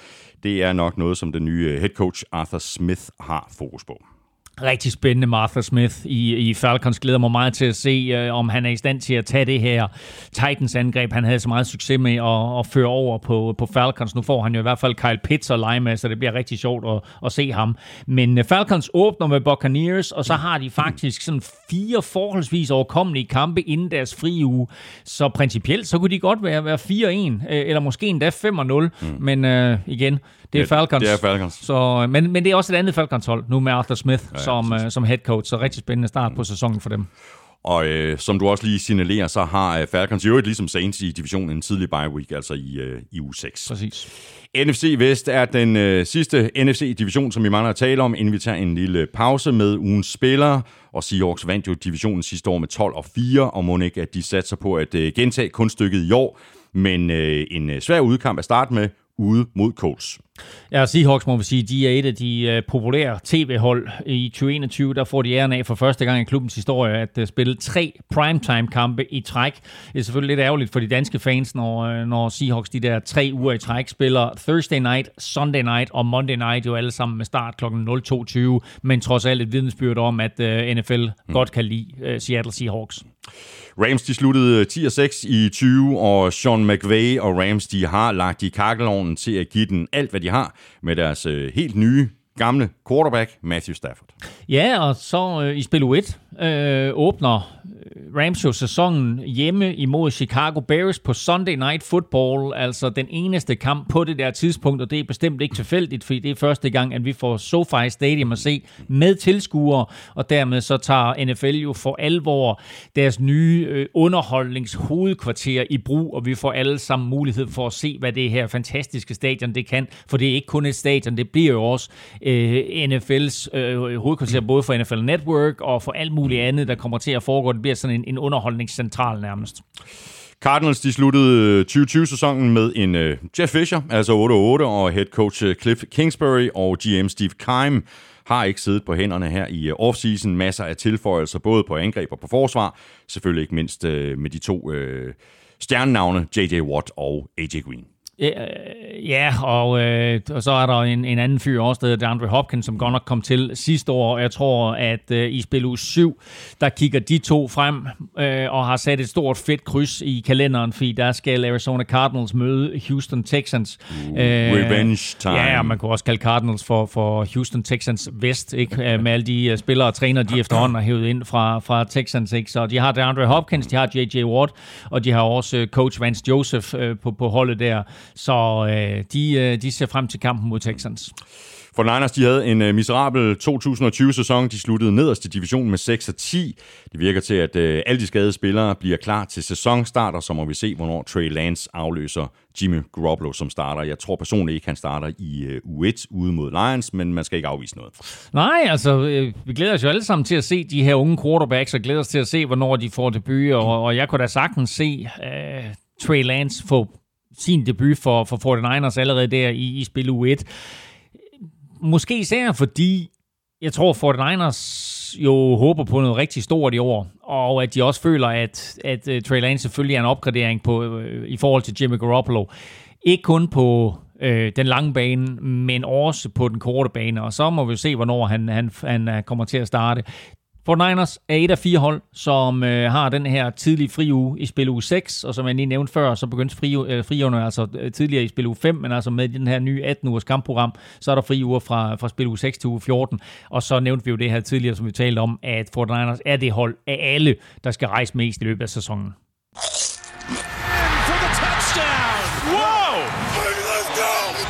Ugen spiller præsenteres af Tafel. Nu skal vi nemlig lige præcis have trukket lod om en øh, kæmpe kasse med taffelchips. Alle, der har svaret på det spørgsmål, som vi postede på Twitter og Facebook i går, har chancen. Vi spurgte, hvem du tror vinder AFC North. Vi fik en øh, overbevisende vinder, en stærk toer, så to hold, der mere eller mindre er hægtet af. Især det ene, og det er ikke overraskende Bengals, øh, der kun fik øh, 4% af stemmerne, men dog trods alt er alligevel 4% af stemmerne. Det øh, er faktisk mere, end jeg regnede med. Ja, der er 13 øh, inde på vores Facebook-opslag, der har stemt på, på Bengals, så de bliver smidt ud af vores Facebook-gruppe nu. Steelers, øh, Steelers fik øh, lidt over dobbelt så mange øh, stemmer, som øh, Bengals de fik, nemlig øh, 9%. Det er ikke meget til Steelers, var? Nej, der er ikke stor tiltro til, at, øh, at Big Ben han har det. Jeg synes ellers, at de har lavet nogle, nogle fine opgraderinger, mm. men det er klart, at, at det er et hold, der ser noget anderledes ud, end det gjorde for bare en 3-4 år siden. Uh, og den måde, det er sådan, at deres sæson uh, kollapsede på sidste år, er jo nok det, som folk de husker. Ja. Og derfor så er jeg lidt bekymret for, hvordan det kommer til at se ud i år. Ja. Og så har vi altså de to topscorer. Det er så Ravens og Browns. Ravens, de fik 31 procent og mere end halvdelen af lytterne, helt præcis 52 procent, de gik med Browns. Ja, det er... Det, det, det er nye tider. Det er, det er nye tider, og det sjove det hele, det er, at at øh, jeg i de seneste par uger, fuldstændig uafhængig af den her afstemning, her, der har jeg også gået og tænkt på, at altså, wow, man er jo nødt ja, til at ja. tage Browns som vinder af, af AFC North, altså det, der er sket her i de senere år. Man kan jo sige, øh, Kevin Stefanski selvfølgelig kom ind som head coach og, og har fået sat skik på, på hele den der trup der, men det er jo alt det forarbejde, der blev lavet exactly. med alle de der draft picks og alle de spillere, der ja. bliver mulighed for dem for at tage, ikke? og nogle forskellige handler og sådan noget, som, som gør, at de lige pludselig har en slagkraftig mandskab. Ja, nu skal de høste frugten. Præcis. Elming, du er... Lykkenskud Ja, og øh, nu trækker jeg et tilfældigt navn her. Og øh, det her tilfældige navn er ikke bare vinder øh, i dagen, øh, dagens øh, spiller, øh, hvad hedder sådan noget? Øh, ugen spiller. Ugen spiller. Det er også en forudsigelse af, hvem der kommer til at vinde AFC North. Det er nemlig lige præcis. og øh, vi skal smutte til, til, til, til, til Charlotte Lund og Thomas Lundgren, og Thomas han forudser, at Det er Bengals. Steelers vinder. Nå, at Steelers vinder. Nå, hold da op. Jamen, øh, stort tillykke til dig, øh, Thomas Lundgren. Frisk bud med øh, Steelers. Jeg sender dit øh, navn og adresse videre til MVP Christina på tafel lidt senere i dag, og så kan du allerede nu godt begynde at glæde dig til at modtage en kæmpe kasse med taffelchips, og med i den her kasse er selvfølgelig også showets helt egne og eksklusive chili cheese og barbecue touchdown chips. Vi gør det her igen om et øh, par ugers tid, når vi er tilbage. Følg os på øh, Facebook og Twitter. Det er nemlig der, vi sætter konkurrencen i gang. Og det gør vi øh, mandag formiddag, og når vi har gjort det, så kan du stemme på din favorit på mailsnablag.nflshow.dk. Du skriver dit bud i emnelinjen, og i selve mailen skriver du dit navn og adresse. Så er vi tilbage i øh, kampprogrammet. Nu gælder det øh, AFC-halvdelen, og vi lægger ud med AFC East og Bills, der jo vandt øh, divisionen sidste år med 13-3. Og det gjorde de øh, overlegent. Nu bliver det spændende at se, om de kan gøre det to år i træk. Nu må sige, og øh, vi har altid sagt, at man skal vinde sine kampe i december, men øh, det er vi nødt til at ændre nu til at sige, at man skal vinde sine kampe sidst i sæsonen, fordi som tidligere nævnt, så ligger de sidste to uger i grundspillet, de ligger altså begge to i januar. Men det skulle ikke være helt umuligt for, for Bills der at gå 3-1, eller måske endda 4-0, fordi de møder altså i de sidste fire spilleuger Panthers, Falcons og Jets, og så lige Patriots. Mm. Uh, men, uh, men altså med, med, med det talentniveau, som Bills har i øjeblikket, der burde det ikke være helt umuligt. Nej. Dolphins de sluttede to år med en flot 10-6 sæson. Nu er Tua ikke længere rookie. Dolphins har så til gengæld heller ikke længere Fitzmagic i baghånden, og så får de altså lige lov til at spille mod divisionsrivalerne fra Patriots på udebane allerede i uge 1. Mm. Og så kommer Bills altså forbi i uh, uge 2, og så er vi ligesom i gang, ikke? Det må jeg sige. Og, øh, og så får de lov til også at spille Monday Night Football i år, og det gør de imod øh, Saints. Det er i spil uge 16. Og øh, utroligt, men sandt, så er Dolphins faktisk det hold, der har spillet flest Monday Night-kampe. I alt 86 siden Monday Night så dagens lysdag i 1970. Øh, og så har de altså en øh, lækker afslutning på, øh, på deres kampprogram med kun én udekamp i de sidste 56 dage af sæsonen. Så altså næste, ja. sidste halvanden måned af sæsonen, næsten to endda, ikke? der har de kun én udekamp. Og Patriots har ligesom øh, Dolphins øh, også en sen bye week i uge 14. 2020 var jo øh, en øh, skuffende 7-9 sæson for Patriots, der så har været meget aktiv i free agency i år. Belichick gider ikke det pis to år i træk. Nu bliver det rigtig spændende at se, hvordan det kommer til at forløbe med øh, Cam Newton og Mac Jones. Patriots de starter sæsonen med øh, to opgør i divisionen, altså hjemme mod Dolphins og så ude mod Jets. Ja, og alle ser jo frem til den her kamp i spil u 4, når Buccaneers og Brady de kommer på besøg på Foxborough. Det er faktisk kun anden gang øh, i historien, at en head coach og quarterback med to eller flere Super Bowl sejre øh, møder hinanden. Øh, kun Cowboys med øh, Troy, A- øh, Troy Aikman har gjort det, og så øh, da, hvad hedder det, Jimmy Johnson, der jo var head coach for, for Cowboys der, øh, han så blev head coach for Dolphins, der mød, mødtes Cowboys og Dolphins så Aikman mod Jimmy Johnson er den eneste anden gang, det er sket, at, øh, at en quarterback og coach, der har vundet to eller flere Super Bowls sammen mødes igen. Og Jets, de har øh, ligesom øh, Bills øh, bye week allerede i uge 6, så må ikke, at øh, Robert Sala og den nye trænerstab øh, satser på, at de allerede der matcher sejrene fra sidste sæson, som jo sluttede 2-14. Jo, og man kan også håbe, at det er sådan, at de endelig får en sejr mod Philadelphia Eagles, fordi de er 0 og 11 imod Eagles igennem historien. Uh, de mødes i spil u 13 i år, så må vi jo se, om det er Zach Wilson, der skal bryde forbandelsen. Mm. Og har man lyst til at se Zach Wilson, så er det forholdsvis nemt i år. Man kan nemlig tage til England og se ham på Tottenham Hotspur Stadium, når øh, Jets der i spil U5 kommer på besøg, og de skal spille mod Atlanta Falcons, og det kunne også godt være en, en rigtig, rigtig fed kamp, hvor man både får mulighed for at se Zach Wilson mm. øh, og, øh, og Kyle Pitts. Og så øh, hopper vi videre til øh, divisionen, som vi jo sat til afstemning i ugen spiller, nemlig øh, AFC North, som øh, Steelers altså løber sted med sidste år med 12 og 4 det kan godt gå hen og blive svært at gentage det. Øh, den her division ser bare ud til at blive stærkere og stærkere, og øh, så lægger de altså også lige ud med en øh, udkamp mod, øh, mod Bills. Ja, det er bestemt ikke noget nemt kampprogram, de har. Steelers et af de sværeste overhovedet i NFL i år, og som jeg lige sagde, man skal vinde sin kamp i den sidste måned, og det kan altså mm. godt blive svært for Steelers med en rigtig, rigtig barsk afslutning, der hedder Titans, Chiefs, Browns, Ravens. Au, altså au, det er deres au. sidste fire kampe i år. Titans, Chiefs, Browns, Ravens. Ja, de skal i hvert fald spille bedre i de sidste fire kampe, end de gjorde sidste år. Altså, nu har vi lige fået en forudsigelse om, at Steelers de kommer til at vinde divisionen. De skal være et godt stykke foran, ja, det fordi de. de kan risikere 0-4 der de sidste, ja. sidste fire spilleuger, ikke? Ravens de sluttede 11-5, og altså kun en øh, enkelt kamp dårligere end Steelers i 2020. De sluttede til gengæld sæsonen noget bedre af. Fem sejre i træk, så vidt jeg lige husker. Det tror jeg, du har fuldstændig ret i. Øh, ligesom Steelers, så har Ravens også et brutalt øh, kampprogram til aller, aller sidst. Øh, og det er jo lidt med det her med, med AFC North, når de har så mange divisionsopgør mod hinanden, så, så, så bliver det lidt brutalt, fordi mm. Browns og Steelers og Ravens jo der alle sammen forventer at komme i slutspillet. Men Ravens sidste syv kampe er brutale. Godt nok så har de Bengals, men udover Bengals, så har de altså to gange Browns, to gange Steelers, ja. og så Rams og Packers. Øh, godt nok er så de to sidste der på mm, hjemmebane. Mm, men alligevel. Men, men det er altså seks, seks giftige opgaver ud af de sidste ja, syv. Ja, ikke? Godt nok. Browns de sluttede ligesom Ravens med 11 og 5 i 2020, øh, og vi har jo sagt det mange gange, at øh, Browns ser bedre og bedre ud. Det synes øh, vores lyttere også, at de gør. Men øh, nu kan vi bare lige gentage det. Elming, det er ikke den nemmeste division, de ligger i, så øh, de, skal, de skal spidse blyanten. Sådan er det i NFL, og, øh, og de, har, de har været på vej så længe, og har været en, en stor skuffelse for deres fans i så mange år, at, at nu, øh, nu er den der forhåbentlig endelig, og nu er de også kommet væk fra det her pres, føler jeg lidt mm. med, at, at øh, at de skal vinde, hvor det sådan, at nu kan de faktisk, nu kan de faktisk håndtere det pres. Mm. Og, og øh, det er jo noget, som, som både kommer fra trænerstab, men også kommer med, at den deres quarterback er blevet ældre og mere moden og sådan noget, og så synes jeg også, at, at det er jo et enormt talentfuldt mandskab. Hvor talentfuldt det finder vi ud af allerede i spil U1, fordi de åbner sæsonen med Kansas City Chiefs, og det er jo faktisk lidt af et statement game, ja, kan man godt tillade sig at sige. Ikke? Fordi kan de vinde den, så er de altså rigtig godt kørende. Øh, de har to hjemmekampe i træk der i U2 og U3, og så har de, eller to udkampe, to hjemmekampe i træk i U2 og U3, og så har de tre hjemmekampe i træk fra u spil, spil U6 til spil U8. Mm. Så det er sådan nogle klumper, af hjemmekampe der, som godt kan være væsentligt for dem. Så altså kan de derefter spille u 8, være 6 2 for eksempel, måske endda 7 1, øh, eller slår de Chiefs måske endda 8 0, ikke? Altså så har vi for alvor fået, fået Browns stemplet ind. Ja. Bengals de øh, sluttede øh, 2020 med fire sejre, 11 nederlag og en enkelt uafgjort, og ja ja, øh, Joe Burrow er tilbage forhåbentlig da altså i, øh, i fuld vi gør og i god form, og så må vi håbe, at han ser lige så godt ud i år, som han gjorde sidste år, før han blev skadet.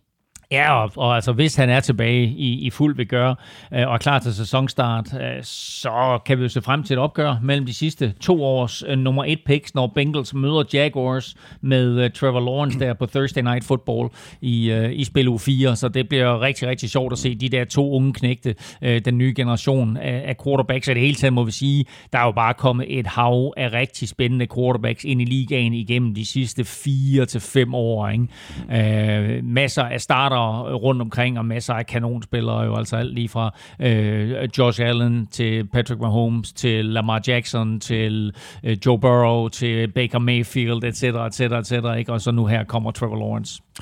Og så går vi videre til øh, AFC South, øh, som Titans vandt med 11-5. Øh, de lægger ud mod to NFC Vesthold, nemlig Cardinals hjemme i U1, og så Seahawks ude i U2. Ja, og øh, Titans øh, spille u 15 og spille u 17 har begge en interessant sidehistorie, fordi i øh, spille u 15, der møder Titans Steelers, og det er jo Bud Dupree mod øh, sit tidligere hold, og så i spille u 17, der møder Titans Dolphins, hvor Ryan Tannehill jo oprindeligt slog sin folder, så der skal nok være masser af storylines der. Præcis.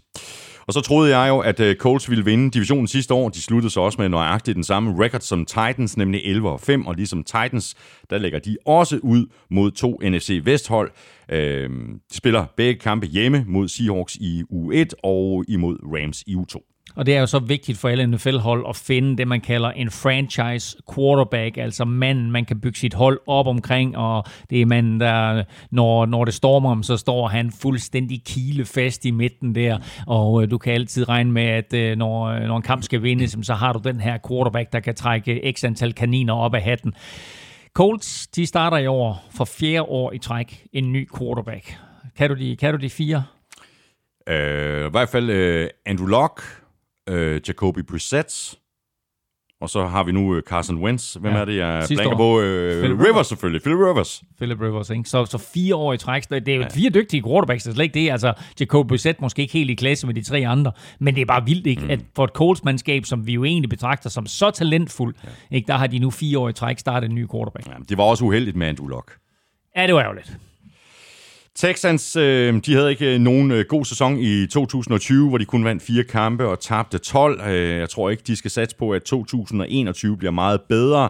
Men de øh, lægger der ud mod øh, en divisionsmodstander i øh, U1, der havde et endnu ringere 2020 end dem selv, nemlig Jaguars. så der ja. har de en chance. Ja, ja, og normalt, så når, når Texans spiller, så er der jo næsten altid mest fokus på deres quarterback.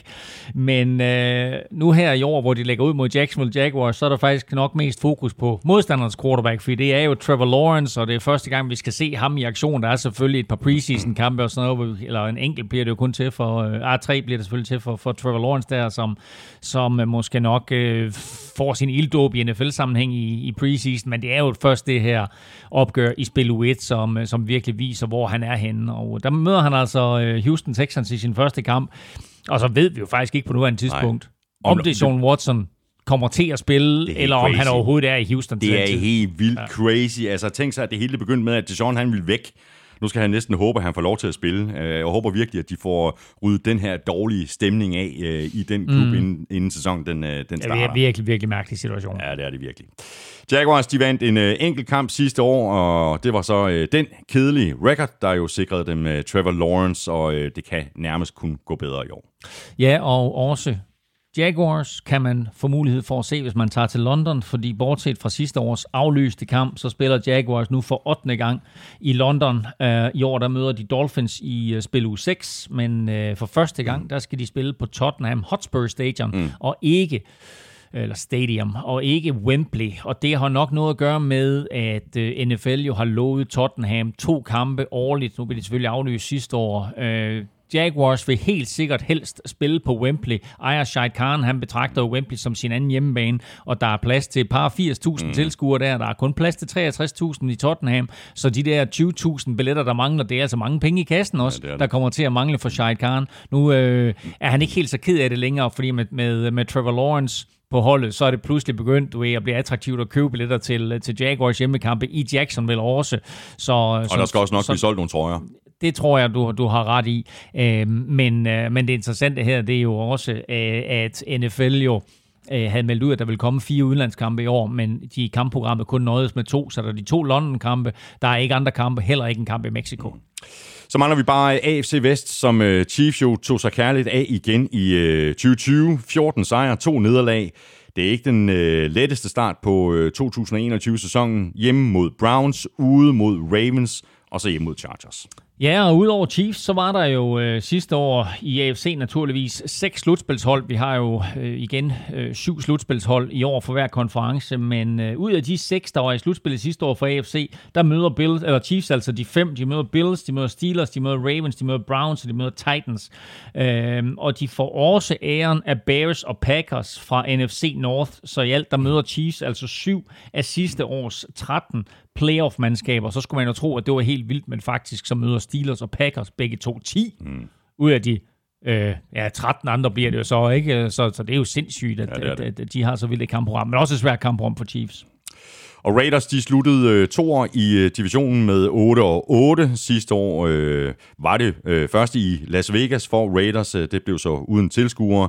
Det gør det ikke i år, og de begynder med et øh, brag hjemme Monday Night mod Ravens. Ja, præcis, og det er jo heller ikke tilfældigt, at Rams de spiller Sunday Night hjemme, hvor vi får lov til at se SoFi Stadium med tilskuere, og dagen efter på Monday Night, jamen der åbner Raiders sæsonen imod Baltimore Ravens, og det er så selvfølgelig også første gang, at vi får mulighed for at se Raiders nye Allegiant Stadium med øh, uh, tilskuere, og øh, det her, det, det, det, altså, det er jo øh, udover, at, at der selvfølgelig er en masse øh, fokus på det her nye stadion, og, og at vi nu på en eller anden måde, selvom Las Vegas Raiders selvfølgelig spiller, selvom Raiders selvfølgelig spillede i Las Vegas sidste år, så er det her jo på en eller anden måde den rigtige velkomst Mm, præcis. til Las Vegas. Mm. Så der er ikke nogen tvivl om, at det bliver en, en, en super fed kamp, og så er der jo bare en hel by der, og måske en dag en hel NFL-nation, der glæder sig til at se Raiders i Las Vegas. Præcis, og så, og så, ja, præcis, og så mangler vi bare, at, øh, at Las Vegas får den øh, draft-seance, som de jo blev snydt for sidste år.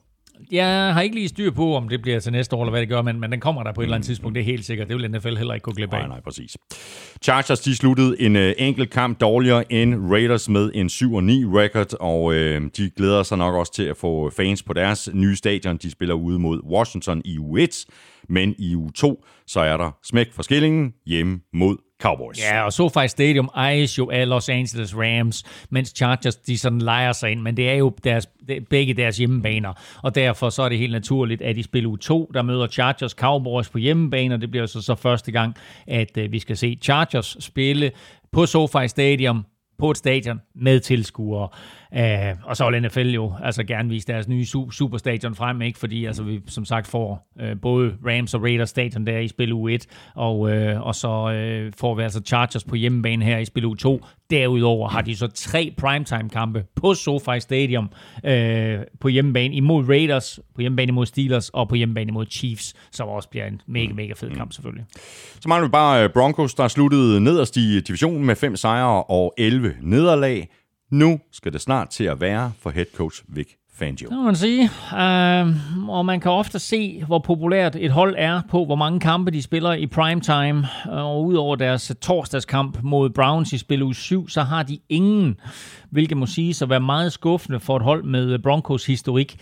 Det er faktisk første gang siden 1991, at de ikke har en Monday Night kamp. Det er 29 år i træk, og det var NFL's længste stime og rekord for Monday Night. Nu er det slut. Så øh, det er, det, det er svære tider for Broncos, men hvem ved, altså, det, er et, det er et hold, der på papiret sagtens kunne mm. overraske. Ja, præcis. Det var det. Det var øh, kampprogrammet for 2021, hvor vi altså havde valgt et øh, par overskrifter og øh, fun facts ud for hvert hold. Og nu kan det kun gå for langsomt med at få sat den uh, sæson i gang, men som vi også talte om i begyndelsen af, sæson, øh, af, af, udsendelsen, Elming, så har vi jo øh, rookie minicamps i år, så får vi OTAs, vi får training camp, vi får preseason, alle de der ting, som vi blev snydt for mm. sidste år. Ja, der bliver masser at, at følge med i og så videre, og når vi så nærmer os sæsonen, så er der jo alle de her roster cuts, hvor vi skal fra 90 og ned til til 55 spillere, og der bliver der jo helt sikkert nogle, øh, nogle rigtig, rigtig interessante spillere, som pludselig kommer på det frie marked så bedst, som vi tror, at trupperne de er sat. Mm. Så er der altså lige nogle spillere, der, der skifter øh, klub der i sidste øjeblik. Nu skal vi have fat i et øh, par andre overskrifter, eller rettere opskrifter. Velkommen indenfor i tv-køkkenet, Claus Helming. Mange tak, Røg. Det er bare i orden, Jan. Ja, Det er godt at se dig. sådan der. Jamen, ja. du er en hurtig, Karl. Ja, det er nemlig. Ja. Hvad skal du have at spise i aften? Jeg skal have øh, citronlaks. Citronlaks. Ja. Og fik du den der glaserede laks, der var i sidste uge eller Ja. forrige? Den var da sindssygt god. Den var fantastisk god. Den var da latterlig god. Ja, den, ja det var den, men altså... Jeg tænkte ellers, at glaseret laks, hvorfor nu Ja, det? ja, Men nej, det var derfor. Nej, det smagte virkelig godt. Hold men, øh, nej, men jeg skal have sådan noget citronlaks i aften, også med nogle, øh, noget, øh, hvad hedder det, broccoli og kartofler lavet i ovnen og så Uh. videre, og så, noget, og så sådan en, en citronlage ud Ja. over det der Ja, laks. Ja, super. Dejligt, og ved du hvad? Super, super nemt at lave, og jeg har fået sådan en helt kutume for, hvordan jeg gør det. Bare tag den der pose der, hæld det hele ud på køkkenbordet, stil posen, og så ellers du ved efterhånden, som der kommer Ja, det- skrald og så videre, tilbage op i posen. Exakt. Og det fede det er, at når du så er færdig med at lave mad, så er der også ryddet op. Exactly. Det er genialt. Det er det nemlig. Så øh, du, fik, øh, du fik fisk i går. Øh, det, eller var det i aften, du skal have fisk? Jeg skal fisk i aften. Godt nok. Vi fik fisk i går. Vi Ja. fik øh, Cajun paneret sej med fritter og peberfrugtsalat og aioli, og jeg skal komme efter. Ja. Og det er i hvert fald en af de der retter, som jeg ikke selv var kommet på at lave. Lidt ligesom den glaserede laks, ikke? Jo, jo, men fuldstændig, og det, er jeg tror, jeg har sagt det på gange også før, at, at jeg, jeg er simpelthen begyndt at vælge alle de retter, som jeg normalt mm. aldrig vil vælge. Mm. Fordi de smager fantastisk, de er nemme at lave, man får en helt anden inspiration. Der er nogle af de der retter, så når man har lavet dem, du ved, jamen, så tænker man, okay, det kommer jeg ikke til at lave igen. Ikke fordi det ikke er godt eller noget, men, men bare fordi der måske indgår nogle ting, som man normalt ikke vil købe. Øh, men der er nogle opskrifter, som jeg simpelthen gemmer. For eksempel den her med, med laksen, jeg lavede i går. Mm. Sindssygt nemt og, og, og øh, nemt at købe ind til os. Så gemmer jeg lige opskriften, og så kan jeg selv lave den på et andet tidspunkt. Ja, nu siger du det der med, at det, det er hurtigt at lave, og det er det, jeg tror, tror alle opskrifterne, er- vi, vi har den klassiske herhjemme, ikke? Mm. Øh, der tror jeg alle opskrifter er på mellem 25 og, og, og 40 minutter. Og du kører mm. den hurtigt, ikke? Hvor, hvor, Ah, det er det samme. er, det, er det det samme? Ja, det er ja, fordi jeg tænker også, hvor meget... 25 til 40 minutter Ja, fordi hvor, hvor, hvor, hvor, hvor meget Ej. tid kan man spare, altså. Ja, ja. Ah, men Det, det, og det passer fint, altså. Og det er, det, det er super hyggeligt at, at stå og lave, øh, med, øh, altså enten man laver det selv eller, eller til andre, ikke? Altså, så kan man stå og hygge sig lidt med det der. Og det er simpelthen så nemt at gå til, ikke? Altså, alt kommer i den der pose, der er perfekt afmålt. Sådan er det. Og øh, hvis øh, du også har lyst til at springe på den her Hello Fresh vogn, så kan du altså lige nu øh, spare op til 725 kroner på dine første fire måltidskasser. Gå ind på øh, hellofresh.dk og brug koden FRESHNFL, Fresh og NFL ud i et og med store bogstaver. Du binder dig ikke til noget som helst, men hvis du ikke ønsker at øh, fortsætte med de her måltidskasser, så skal du huske at melde fra igen. Vi skal have quizzen! Åh, Det er tid til quiz, quiz, quiz, quiz, quiz. Claus Elming, øh, hvad var det, jeg skulle... Den korteste NFL-sæson nogensinde. Er, vi, er vi langt tilbage i, Nej. i, i tiden? Nej, jo, altså. Vi... Nej, men altså helt tilbage til dengang, der ikke var så mange hold. Nej, det er... Godt, så har jeg- så har- Super-. Okay, godt så. Hvor et år, hvor Så, yes, yes, yes. Jamen, ved du hvad, øh, jeg har et, øh, jeg har et bud. Jeg har to bud. Mm. Øh, hvor der, det, Det- det, det- vi, er, vi, er, vi har gang i noget strække. Det er nemlig rigtigt. Godt. Det er klogt, du har to bud. Okay. Øh, fordi så er vi tilbage i begyndelsen af 70'erne, 72, 73. Nej, nej, nej, senere. 10 år senere, faktisk. Nej, men jamen, det er 84, jeg tænker på. Ja, men der, der var strække i 82 og 87. Så, så, så får du valgt lov til Okay. at vælge, så får du lov til at vælge mellem dem. Det, Så får godt. Så, så, så, du så lov- 82. Det er 82, det er med rigtigt. Kæft, hvor er du Ja! god, mand. Hvor er du god, mand. Så mangler vi kun antallet af kampe. Hvad fanden er jeg så tænker på i forhold til 70'erne? Nå, okay, det må jeg lige læse op på. Ja. Der er et eller andet, der har sat sig, ja. sig fast i mit hoved, så jeg var fuldstændig overbevist om, at der også skete noget i 70'erne med... Ja. Nå, okay. Godt, jamen... Øh... Så mangler vi antallet af kampe. Åh, pas. Ja. Nå, der blev kun spillet ni kampe i 1982. Ni kampe. Ni kampe i grundspillet. Uh, det blev selvfølgelig forkortet fra de, uh, de 16 til 9 der på grund af en spillerstrække. Og uh, fordi man så havde svært ved at retfærdiggøre, hvem der skulle i slutspillet ud fra bare ni kampe, så sendte man faktisk otte hold i slutspillet for hver konference. Mm. Så det vil sige 16 hold i slutspillet og, og 12 hold, der ikke kom i slutspillet. Og så spillede man ren knockout.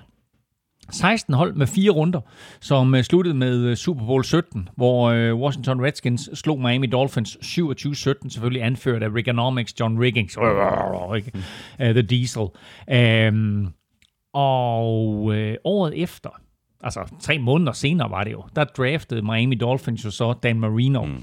Og selvom han betragtet som en af de jo allerstørste quarterbacks i historien, så lykkedes det ham jo faktisk aldrig at vinde en Super Bowl. Var i Super Bowl i sit andet år i ligaen, men øh, man kom jo aldrig tilbage og vandt jo som sagt aldrig en Super Bowl. En anden lille nugget fra det år, det er, at Colts, der jo dengang spillede i Baltimore, de vandt ikke en eneste kamp. Men øh, de er ikke i samme liga som Lions og Browns, der begge gik 0-16, fordi Colts de spillede faktisk en uafgjort. Så de var altså 0-8 og 1. Så blev vi så kloge, og så øh, skal vi se, om øh, du kan svare på, øh, på det quizzen fra, fra Armstops øh, hånd. Øh, Jeg kom på en med. Spørgsmålet var, hvilke tre tight ends ja. havde flest receiving yards i den forgangne ja. sæson? Altså et, et, et af Kelsey, Korrekt, 1416 yards. ja, som i øvrigt var tight end rekord. Så siger Darren Waller er fra Raiders. Det er fuldstændig korrekt. Jeg har to år. 1196 yards. Øhm, og så er jeg i tvivl om træeren, fordi altså det, jeg burde jo sige George Kittle. Men det burde du ikke, fordi han var jo meget skadet sidste år. Ja, så det burde jeg ikke. Nej. Nej. ja, han var også skadet. Han var jo stort set skadet hele sæsonen. Ja, det var han. Det var han. Det var han. Uh, tight end, tight end, tight end. Nu skal jeg gennemgå ligaen. Um, er, det, er, det, er, det, er det virkelig simpelt? Er det, er det sådan, du ved, hvor jeg bare siger... Nej, det, det ved Nå. jeg ikke, om det er virkelig simpelt, altså. Nej. Um, Jeg er ikke sikker på, at jeg er kommet i tanke om. Nå, det er du ikke. Nej, altså, øh, nej, jeg, jeg havde også Travis Kelsey og Darren Waller. Ja. TJ TJ. Hawkinson. Jamen, der kan jo godt hjælpe lidt mere, du ved, lige, at sky- vi kan lige skydes ind på en division eller et eller andet. Nå, det er for Altså- sent nu. Ja, det er for sent nu. Men er det vildt. Ja, det er, og ham var jeg ikke kommet tanke om. Nej, øh, altså hvis du, hvis du havde fortalt mig, at, at det var divisioner, det var Lions, så kan det være, der var en lille chance for at komme i tanke om. Men, øh, men wow, okay, var han træer? Nej, det er ikke den, jeg skal Nej, det er ikke den, du Nej, skal det er ikke den, er Nej, den den der. Nå, men du havde altså Travis Kelsey, og så øh, havde Waller. du øh, Darren Waller. Ja. Kan, vi, kan, du, kan, kan du give mig en division? Uh, jeg er ikke sikker på, at divisionen er helt nok for dig, men hvis jeg siger, øh, hvis jeg siger Lions, T.J. Hawkinson. det er så stærkt. tak for det, Elming. Det er godt ramt. Uh, en fornøjelse som altid. I lige måde, det var mega fedt. Tænk, tænk sig, at vi Tænk- kan sidde og snakke her i halvanden, halvanden time om- om et kampprogram. Om, om kampprogram. Men sådan, sådan er det. Og vi er tilbage om et øh, par uger, øh, når vi kommer med et øh, meget, meget tidligt bud på, hvordan AFC slutter. Og så gør vi det samme med øh, NFC, og så slutter vi af før sommerferien med at komme med et øh, meget frisk bud på, hvordan øh, slutspillet det øh, ender. Så med andre ord er der altså øh, tre gange NFL-showet tilbage, før vi trækker stikket i en øh, måneds tid. Og så går det jo ellers bare gadung derudad øh, fra august og ind i sæsonen i, øh, i september. Kæmpe, kæmpe stor tak til vores øh, gode venner og partnere fra Tafel og Hello Fresh. Støt dem, de støtter os. Tak fordi du lyttede med. Hvis du synes om det, vi laver, så skulle du tage at øh, anbefale os til alle dine venner. Og øh, stik os en øh, anmeldelse af fem store stjerner. Et af de steder, det er muligt, for eksempel i iTunes. Du kan også støtte os med et øh, valgfrit beløb på tier.dk eller via det link, der ligger øverst på nflshowet.dk. Kæmpe stor tak til de nu øh, 667, der øh, støtter os. Vi kunne ikke gøre det uden jeres hjælp. Husk også at tjekke shoppen på nflshow.dk-shop. Der er masser af fede ting derinde. Der er både hoodies, sweatshirts, kopper, forklæder og meget mere. Og hvis du vil i øh, kontakt med os, så kan du række ud efter os på både Twitter og Facebook, ligesom du også kan kommentere og stille spørgsmål på øh, mail nflshow.dk. Følg Elming på Twitter på snablag nflming. Mig kan du følge på snablag Thomas Kvartrup. Det var det. Tak for i dag. NFL-showet er produceret af Kvartrup Media, der også producerer Born Unplugged, hvor jeg hver eneste uge tager dansk politik under kærlig behandling sammen med politisk kommentator Lars Trier Mogensen. Vi er tilbage på fredag. Elming giver den max gas over på Velropa-podcasten, og så er Elming og jeg ellers tilbage om øh, to uger. Ha' det rigtig godt så længe. Hot odds.